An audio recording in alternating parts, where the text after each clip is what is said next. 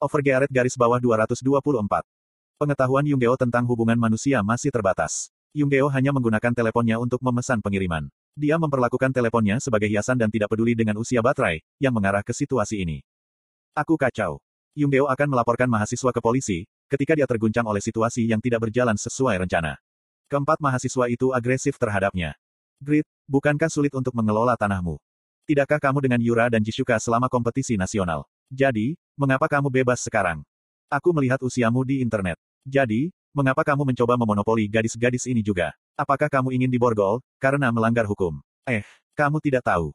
Para mahasiswa tahu tanpa keraguan jika Yunggeo lebih tua dari mereka. Mereka bahkan tidak berpikir untuk melepaskan pergelangan tangan Sehi dan Yerim. Mereka brengsek. Yunggeo marah, ketika dia mendengar nada suara mahasiswa dan ekspresi adiknya yang sedih. Dia ingin lari ke sana dan meninju mereka di rahang. Tapi ini kenyataan, bukan statis V. Pada kenyataannya, Yunggeo tidak berdaya. Dia selalu dipukuli secara sepihak oleh orang-orang kuat. Dia telah dipukuli berkali-kali. Tapi sekarang, dia ingin melakukan kekerasan terhadap empat mahasiswa universitas yang sehat. Itu tidak mungkin. Pertama-tama, Yunggeo melihat sekeliling. Itu untuk meminta bantuan seseorang. Sayangnya, tidak ada seorang pun di jalanan. Itu bukan jam 10 malam. Belum, tapi itu cukup sepi. Itu adalah hasil dari Sehi dan Yerim menemukan tempat kosong, untuk menghindari popularitas mereka. Ini tidak ideal. Yunggeo menarik napas dalam-dalam. Dia menekan kemarahannya sebanyak mungkin dan tersenyum. Biarkan anak-anak pergi. Ya, kami tidak sedang syuting drama, jadi ini tidak menarik. Benar. Yunggeo mencoba membujuk para mahasiswa. Namun, para mahasiswa tidak bergerak sama sekali. Bagaimana jika aku tidak mau? Para mahasiswa tidak bisa mentolerir, jika dia memonopoli semua wanita cantik. Mengambil Yura dan Jisuka, sekarang dia mengambil prospek masa depan mereka. Para mahasiswa yang marah mulai menangani Sehi dan Yerim dengan lebih kasar. Mereka menyeret mereka dengan paksa dan memprovokasi Yunggeo. Gadis-gadis ini akan bermain dengan kami malam ini. Bagaimanapun juga, apa artinya siapa kita? Kita juga orang-orang yang menghasilkan uang dari permainan. Tidak masalah dengan siapa kamu bermain, selama pria itu memberikanmu uang dengan benar. Petik 2. Lepaskan aku. Sehi berjuang untuk melepaskan para mahasiswa. Namun, seorang siswa sekolah menengah tidak dapat menang, melawan kekuatan pria di awal usia 20-an. Diam.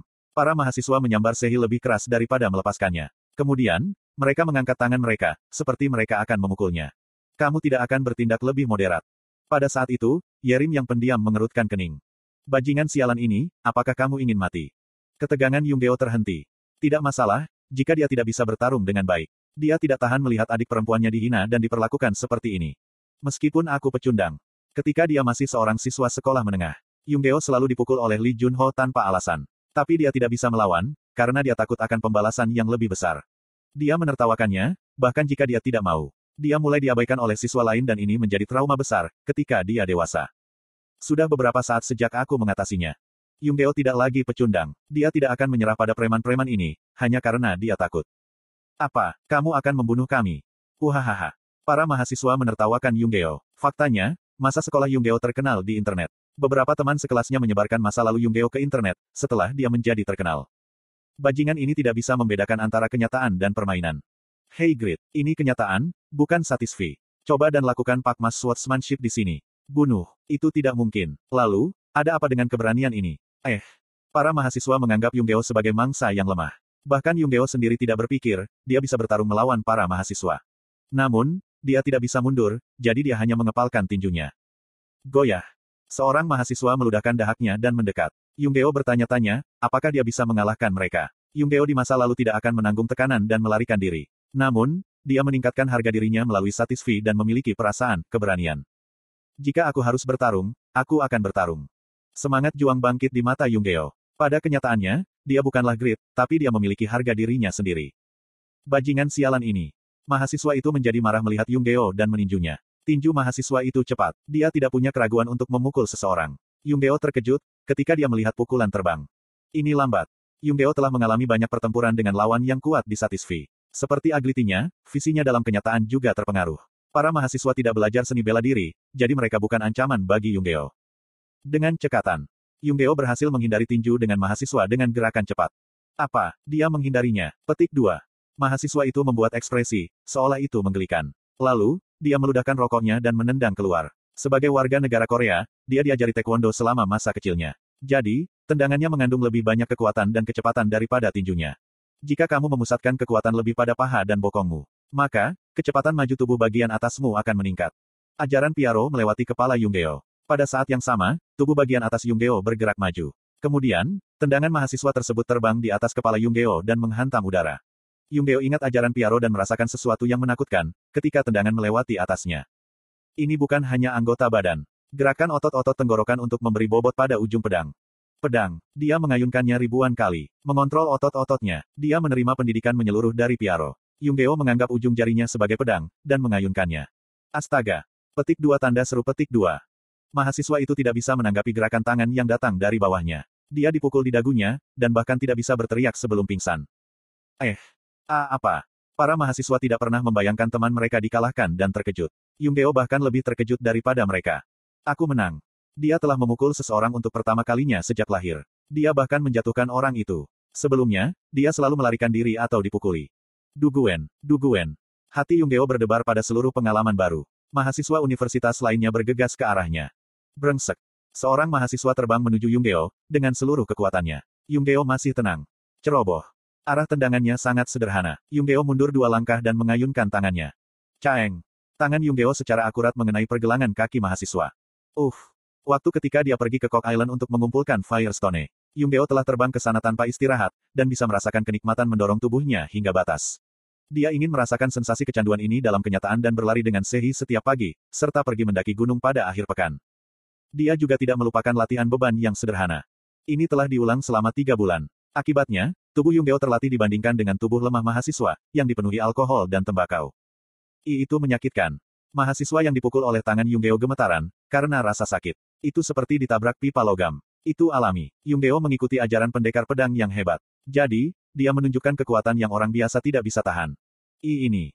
Menurut rumor yang beredar di internet, Yunggeo adalah pecundang yang selalu dipukuli. Tapi, dia benar-benar bisa bertarung dengan baik. Dua mahasiswa yang tersisa terguncang. Di sisi lain, Yunggeo mengagumi kemampuannya sendiri dan ingin bertarung lagi. Dia ingin menikmati kekuatan ini. Apa, kamu tidak datang? Yunggeo menggerakkan jarinya dan memprovokasi mereka. Dua mahasiswa yang tersisa tidak tahan lagi dan pindah. Apa udara kemenangan itu? Pepeok, peok. Pertarungan anjing dimulai. Para mahasiswa secara acak mengayunkan tinju dan kaki mereka ke Yunggeo. Jika dua lawan menyerang pada saat yang sama, Yunggeo tidak akan bisa menghindarinya, kecuali dia adalah seorang seniman bela diri. Yunggeo menanggapi kedua serangan menggunakan gerak kaki yang diperolehnya dari Pakmas Swordsmanship. Dia seperti Bruce Lee, saat dia bergerak seperti air yang mengalir untuk menghindari serangan dari kedua orang. Namun, itu hanya sesaat. Tubuh Yunggeo tidak cukup kuat untuk melanjutkan tindakan ini. Kesehatannya berada pada tingkat masyarakat umum. Dia tidak bisa mereproduksi V selamanya. Ada saat ini, A ketika dia melangkah salah, memutar kakinya, dan menyebabkan postur tubuhnya runtuh. Hahat, brengsek ini bodoh. Yunggeo diserang tanpa pandang bulu oleh para mahasiswa yang menertawakannya. Uff, ik, petik dua. Bam bam bam. Yunggeo merasa, dia bisa melihat ilusi bintang-bintang berkelap-kelip di depan matanya. Tapi sementara itu, Sehi dan Yerim dibebaskan. Kabur. Yunggeo menelan kata-kata, untuk memanggil polisi dengan cepat. Bahkan, jika dia tidak mengatakannya, dia percaya jika mereka akan melaporkannya ke kantor polisi. Pada saat itu, itu cukup. Tidak seperti Sehi yang berteriak dan bertanya-tanya apa yang harus dilakukan, Yerim melompat ringan. Yunggeo tertarik dengan kakinya yang putih dan halus, saat dia menendang para mahasiswa. Pakak. Meskipun mengenakan rok pendek, tendangan Yerim dengan sempurna menghantam punggung para mahasiswa. Batuk. Uh. Yunggeo curiga mereka mungkin sudah mati. Para mahasiswa mengungkapkan bagian putih mata mereka, saat mereka pingsan. Apa, kenapa dia begitu kuat? Titik koma. Yerim mengulurkan tangan ke Yunggeo yang tertegun. Bisakah kamu bangkit, pangeranku? Yerim tampak sangat cantik di bawah lampu jalan. Dia memiliki penampilan dewasa yang membuatnya sulit untuk percaya, jika dia adalah seorang siswa sekolah menengah. Dan matanya yang setengah bulan, pasti akan memikat siapa pun. Tapi, dia masih di bawah umur, jadi Yunggeo tidak menganggapnya seperti itu. Setelah itu, apa, tiga ert dan taekwondo, hei, lalu mengapa kamu hanya menonton? Ini terlalu berlebihan. Di depan sebuah tos serba, Sehi dan Yerim sedang menggosok telur di wajah Yunggeo yang memar. Yunggeo dikelilingi oleh dua gadis cantik. Jadi, dia tampak seperti raja harem dari seorang manwa. Tapi, Yunggeo tidak peduli dengan tatapan orang lain. Dia sibuk menggerutu. Jika Yerim bertarung sejak awal, Opa tidak akan terlihat seperti ini. Tidak sopan ikut campur dalam perkelahian antara pria. Jadi, aku menahannya. Itu bukan pertarungan antara laki-laki, itu satu lawan empat. Hihi, pokoknya, itu hebat. Yunggeo kuat seperti orang normal. Dia mungkin tidak benar-benar kuat, tapi keberaniannya untuk melindungi saudara perempuannya patut dipuji. Hari ini, naksir Yerim pada Yunggeo menjadi jauh lebih besar. Dia benar-benar ingin menikahi Yunggeo. Uh, kalau begitu mari kita kembali. Dan mulai sekarang, Kamu berdua dilarang pergi ke ruang kapsul. Aku akan membeli kapsul untuk kalian berdua. Ya, eh. Petik 2. Yunggeo mencoba bangkit dari kursi yang didudukinya. Tapi otot-ototnya pegal, setelah pertarungan dan dipukul. Yerim meraih Yunggeo untuk menghentikannya agar tidak jatuh ke samping. Hah? Yerim mengeluarkan suara aneh. Itu karena, jari-jari Yunggeo telah pindah dari ketiaknya ke pinggangnya. Ah apa? Yunggeo menjadi terkejut oleh suara itu, sementara Yerim memerah dan matanya menjadi lembab. Opa adalah orang yang sangat hebat. Apa artinya itu? Sehi tidak tahu artinya, tapi Yunggeo memahaminya dengan benar. Dia berdeham karena malu.